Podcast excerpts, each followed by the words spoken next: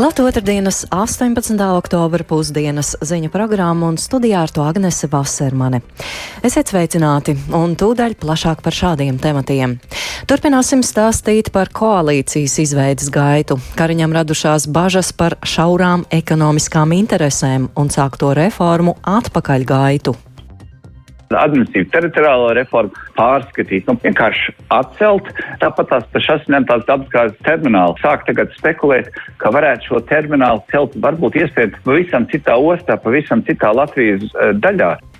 Latvijā joprojām izplatītākais cilvēku tirdzniecības veids ir darba spēka eksploatācija pēc labu draugu ieteikuma, nu kāpēc ne, iespēja viegli un ātri nopelnīt. Beidzās ar to, ka cilvēks tiek eksploatēts, strādā principā par vēdera tiesu, tiek ieslēgts, pie viņa tiek vesti klienti. Krievija Ukrainā sāk dot priekšroku psiholoģiskajam teroram, nevis panākumiem kaujas laukā. Tā norāda militārie analītiķi. Сьогодні о 8.40 ворог віроломно. Šorīt 8.40 ienaidnieks veica Žitomiras apgabala energoinfrastruktūras apšaudes. 11 apdzīvotās vietas ir palikušas bez elektrības.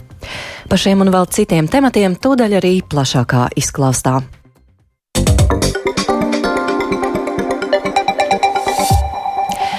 Nākamās koalīcijas sarunās pašlaik jāvienojas par darāmajiem darbiem, un valdība nedrīkst stagnēt. Koalīcijas izveidas sarunu trešajā nedēļā uzsver jaunās vienotības līderis Krišānis Kariņš. Nacionālā apvienība konkrētus uzdevumus jau grib iekļaut nākamās valdības deklarācijā.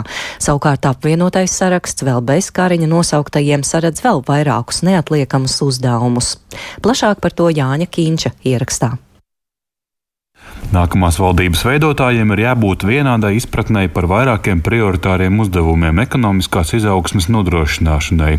Tie ir izglītības un zinātnes plašāks atbalsts, no korupcijas un politiskās ietekmes brīva kapitāla sabiedrība pārvaldība, kā arī nacionālā drošība. Tā ietver vienotu izpratni arī par nekavētu nacionālās aizsardzības dienestu ieviešanu.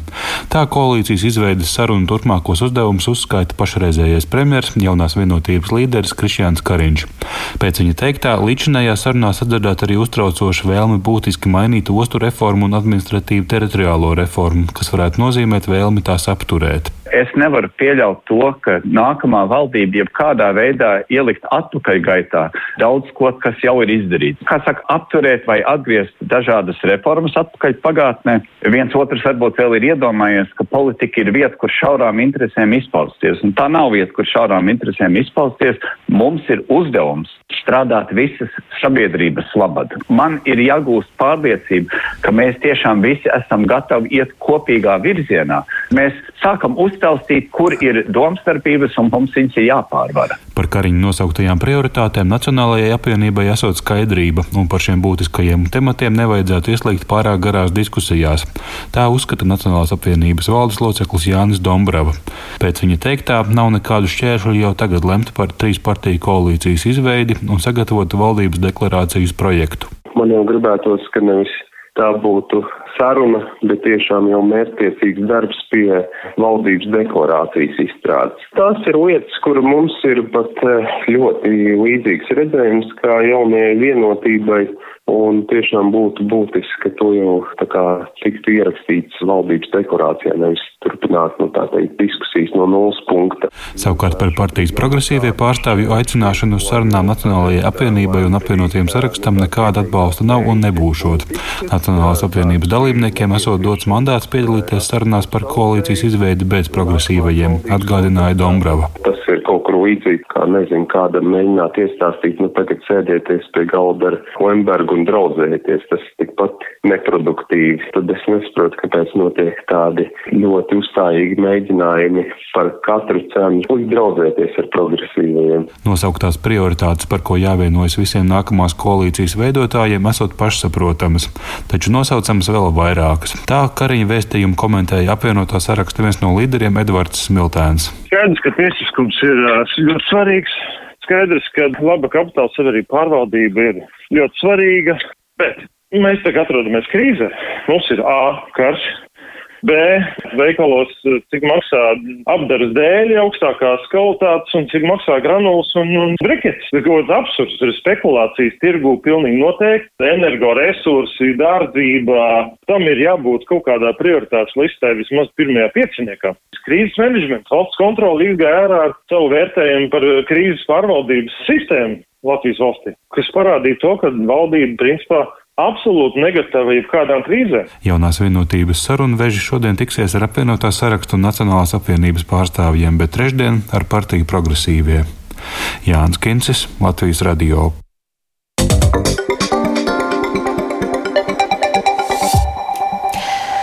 Turpinām ziņu programmu. Latvijā joprojām visizplatītākais cilvēku tirdzniecības veids ir darba spēka eksploatācija. Visbiežāk pavērdzina cilvēkus celtniecības, lauksaimniecības, ražošanas un viesmīlības nozarē. Pēdējo gadu statistika rāda, ka cilvēku tirdzniecības upuru skaits pieaug un rodas jaunas cilvēku tirdzniecības formas. Eiropas Savienībā šodien atzīmē dienu cīņai pret cilvēku tirdzniecību, tāpēc arī biedrība patvērums drošā māja iepazīstina ar aktuālāko situāciju cilvēku pavērdzināšanā. Un šajā brīdī esam sazinājušies ar kolēģi Lindu Spundiņu, kura gatava pastāstīt par to sīkāk. Sveika, Linda! Sveika, Agnes! Labdien, klausītāji! Tātad, jā, runājot par cilvēku tirdzniecību, Latvijā visizplatītākā ir darba spēka eksploatācija. Kāda šobrīd ir situācija šajā jomā, ko par to ziņo biedrība patvērums drošā māja? Jā, nu šobrīd atrodos eh, tieši biedrības eh, biedrībā eh, patvērums drošās mājas, kas sniedz palīdzību cilvēku tirzniecības upuriem, un, kā jau minēja, visizplatītākā šobrīd ir darba spēka eksploatācija Latvijā no visām cilvēku tirzniecības formām. Un uh, biedrībā stāsta, ka šobrīd viņi strādā ar 11 klientiem, un, protams, jā, lielākā daļa ir tieši tie, kas tika paverdzināti, darbi, tika eksploatēti strādāšanā. Un min biedrībā arī to, ka pamatā eksploatē tieši vīriešus, un visbiežāk Latvijā paverdzina arī trešās valsts, trešās valsts pilsoņus. Piemēram, pēdējā skaļākā lieta ir tieši jau minētā, jau iepriekš pieminētā aduks gadījums, kur septiņi Indijas pilsoņi tika eksploatēti konditorijas uzņēmumā. Biedrībā stāsta, ka saistībā ar šobrīd aktuālo Ukrainas civiliedzīvotāju nodarbināšanu nav saņemtas ziņas par cilvēku tirzniecības gadījumiem, kuri apstiprinātos.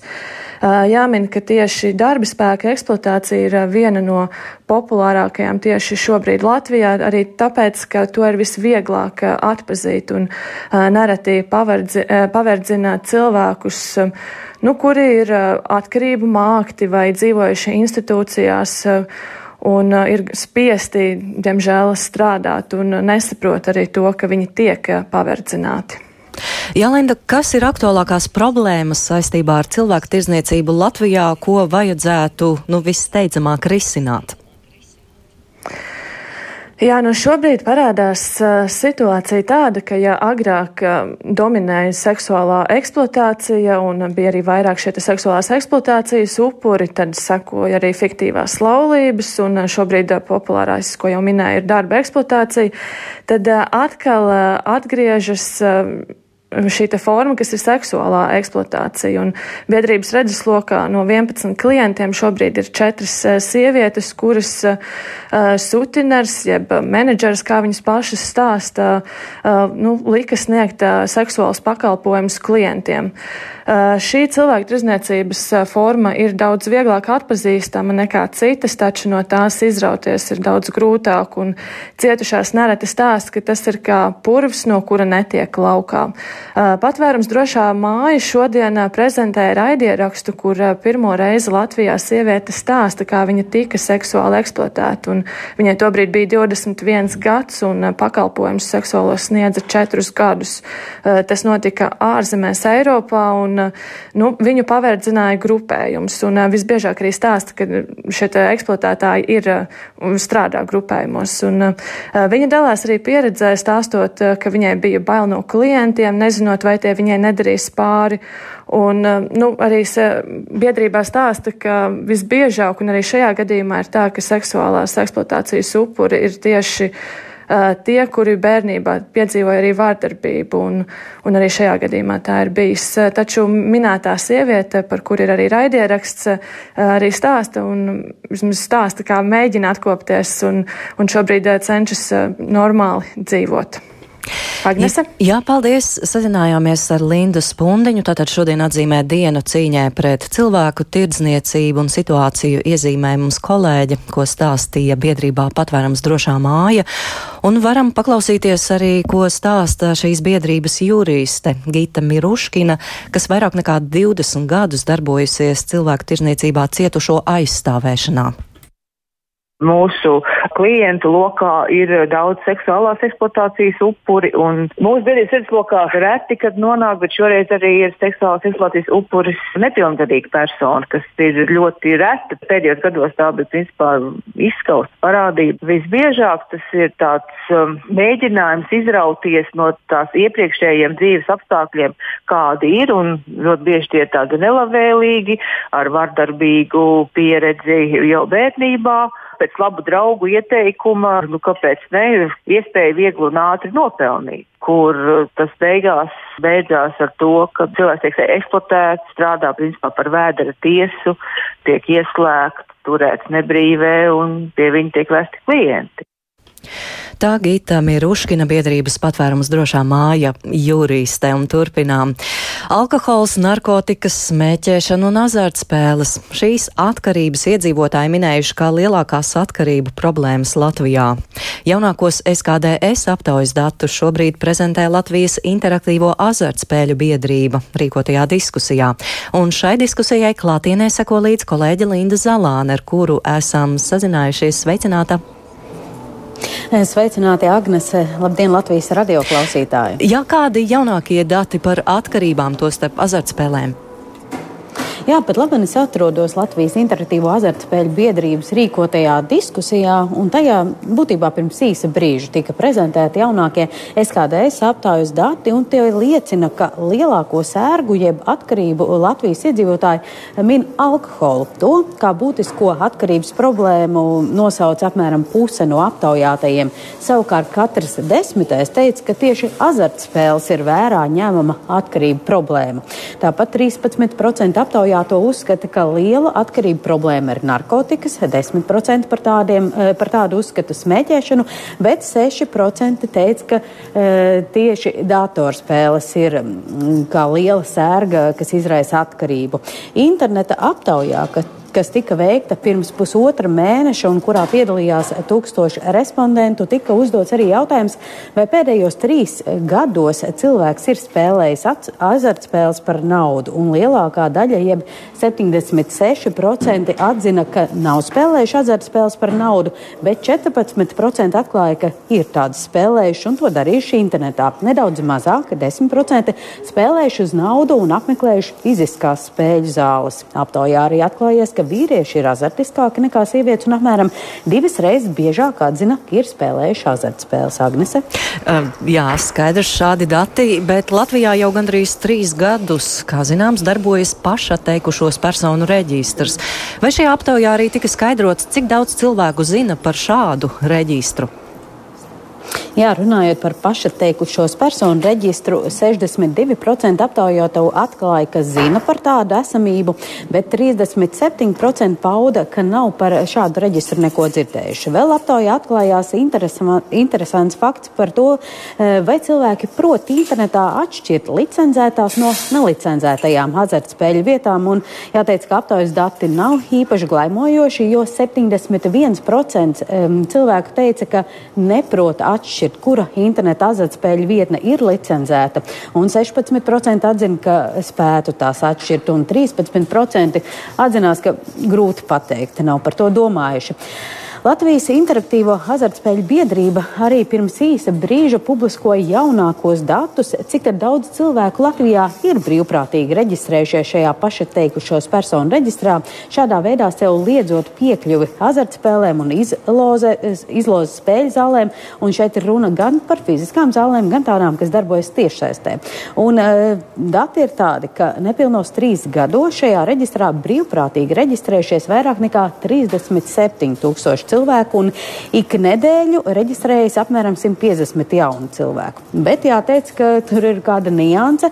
Minimālais līguma termiņš ir gads, un 13 tūkstošiem cilvēku tas jau ir beidzies. Un tas nozīmē, ka šobrīd kopumā aktīvs liegums ir tikai 23 tūkstošiem cilvēku. Atgādināšu, ka pirms trim gadiem veselības ministrijas veiktajā aptaujā secināts, ka apmēram 6% Latvijas iedzīvotāji min, ka viņiem ir problēmas ar azartspēlēm, un 1,3% jeb 76 tūkstoši cilvēku atklājuši, ka viņiem azartspēļu spēlēšana rada negatīvas sekas. Jāpiemina, ka diskusija vēl turpinās, un tai arī tūdaļ pievienošos es atkal, un tur eksperts spriež par to, kā tad varētu nākotnē šo reģistru vēl paplašināt un uzlabot. Agnese? Jā, paldies, Linda, par stāstījumu. Tātad mūsu kolēģi Linda Zalāne šādi dati par atkarību problēmām Latvijā un kā dzirdējām. Par lielāko sērgu jeb atkarību Latvijas iedzīvotāji joprojām uzskata alkoholu.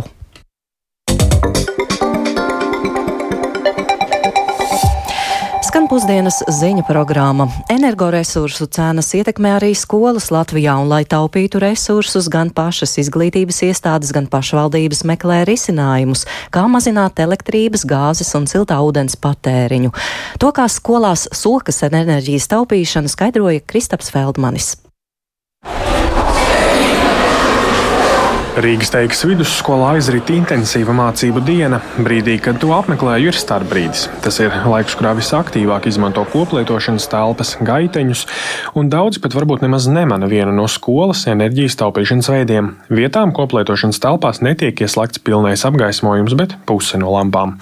Skolas direktore Guna Pudula stāsta, tā ir viena no vairākām aktivitātēm, kuras skola īsteno, lai mazinātu elektrības rēķinus. Mēs slēdzam ārā vakarā pēc visiem treniņiem viņiem apgaismojumu.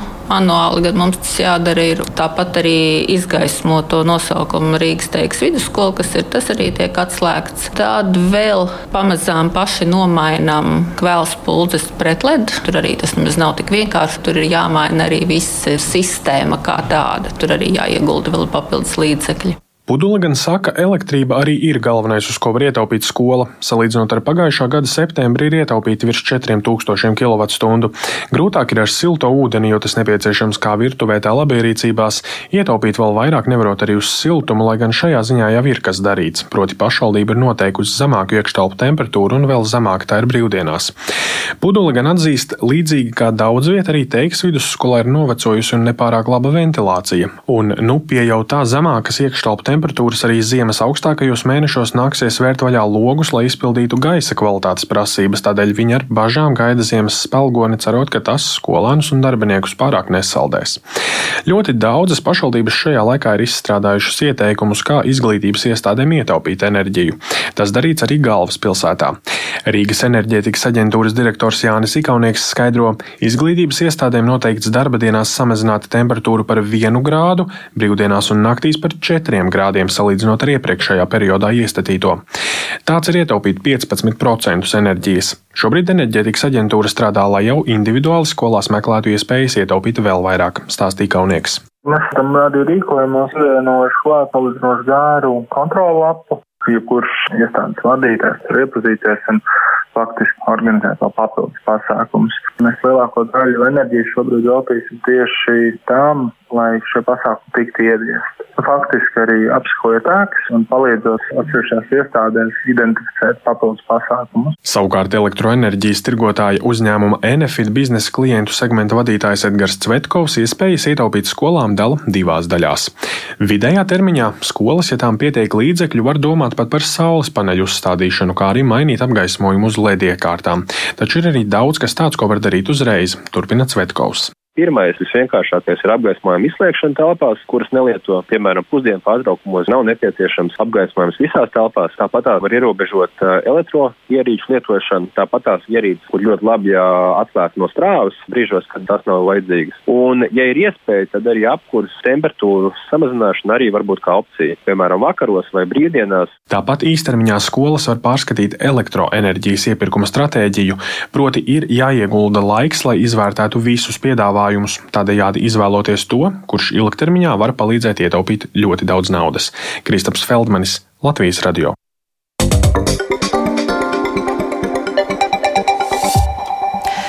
Ukrainā Krievija sākusi dot priekšroku psiholoģiskajam teroram, nevis panākumiem kaujas laukā. Tā norāda Ukrainas vadība un militārie analītiķi. Par jaunāko karā Ukrainā stāsta Uģis Lībietis. Jau kopš pašām agrā rīta stundām no Ukrainas tika saņemts ziņojumi par kārtējiem raķešu un dronu pašnāvnieku triecieniem, kas šoreiz vērsti pret Ukrainas energoinfrastruktūru. Pēc viena no šiem triecieniem galvaspilsētas Kīivas tūmā uz laiku tika pārtraukta elektrības un ūdens piegāde galvaspilsētas kreisajam krastam. Vietējie mediji ziņo, ka daudz cilvēku stāv garās rindās, lai iespēju robežās uzpildītu dzeramā ūdens krājumus. Sprādzienu šorīt dzirdēt arī Harkivā, Krievijā, Dņipro, kā arī Žitomiras apgabalā. Kā pastāstījis apgabala militārās administrācijas vadītājs Vitālijs Buņečko, notiek pieslēgšanās avārijas tīkliem. Сьогодні о 8.40 ворог віроломно здійснив обстріл objektu enerģētiskā infrastruktūra Žitomiršana. Šorīt 8.40 ienaidnieks veica Žitomiras apgabala energoinfrastruktūras apšaudes. 11 apdzīvotās vietas ir palikušas bez elektrības. Pašlaik aktīvi strādā mūsu enerģētiķu avārijas brigādes, lai pieslēgtu elektrotīklus pie rezerves enerģijas avotiem. Vienlaikus varam konstatēt, ka uzbrukumu laikā upuru nav. Можемо констатувати, що жертв немає. Vien vakar vakarā Ukrainas prezidents Valdemirs Zelenskis savā uzrunā norādīja, ka vienīgais veids, kā piespiest Krieviju tomēr iesaistīties miera sarunās, ir likvidēt tās terorizēšanas iespējas.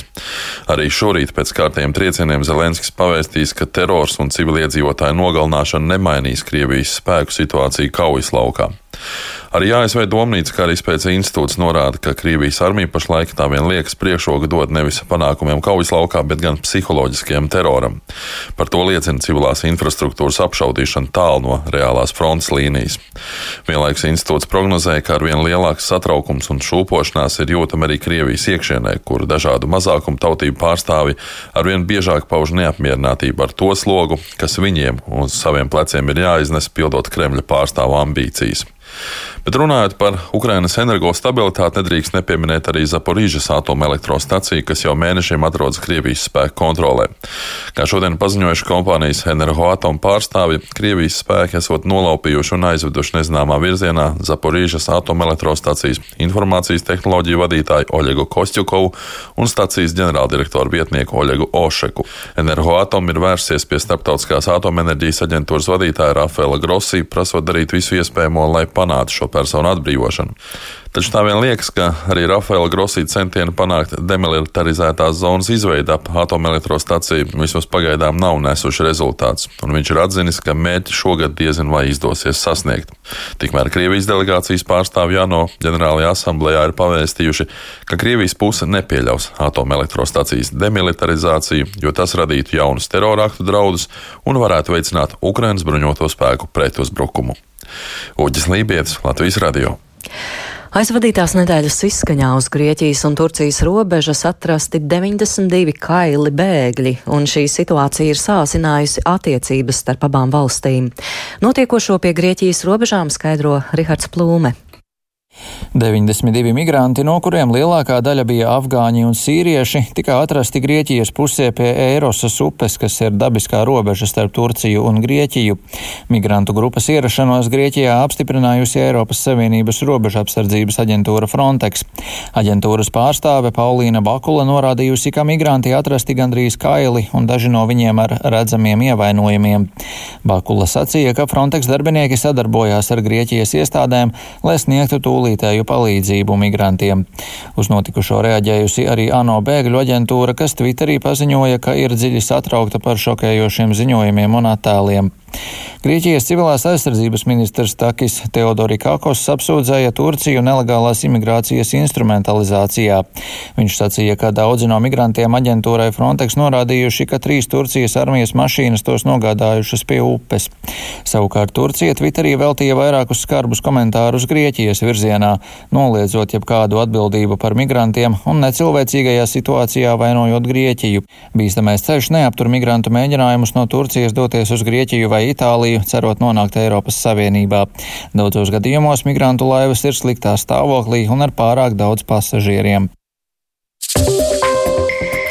Ar to arī ziņu programmu pusdienu izskan. To veidoja Edgars Kupčs, Renārs Šteimanis, Katrīna Bramberga, studijā bija Agnese Vasermane.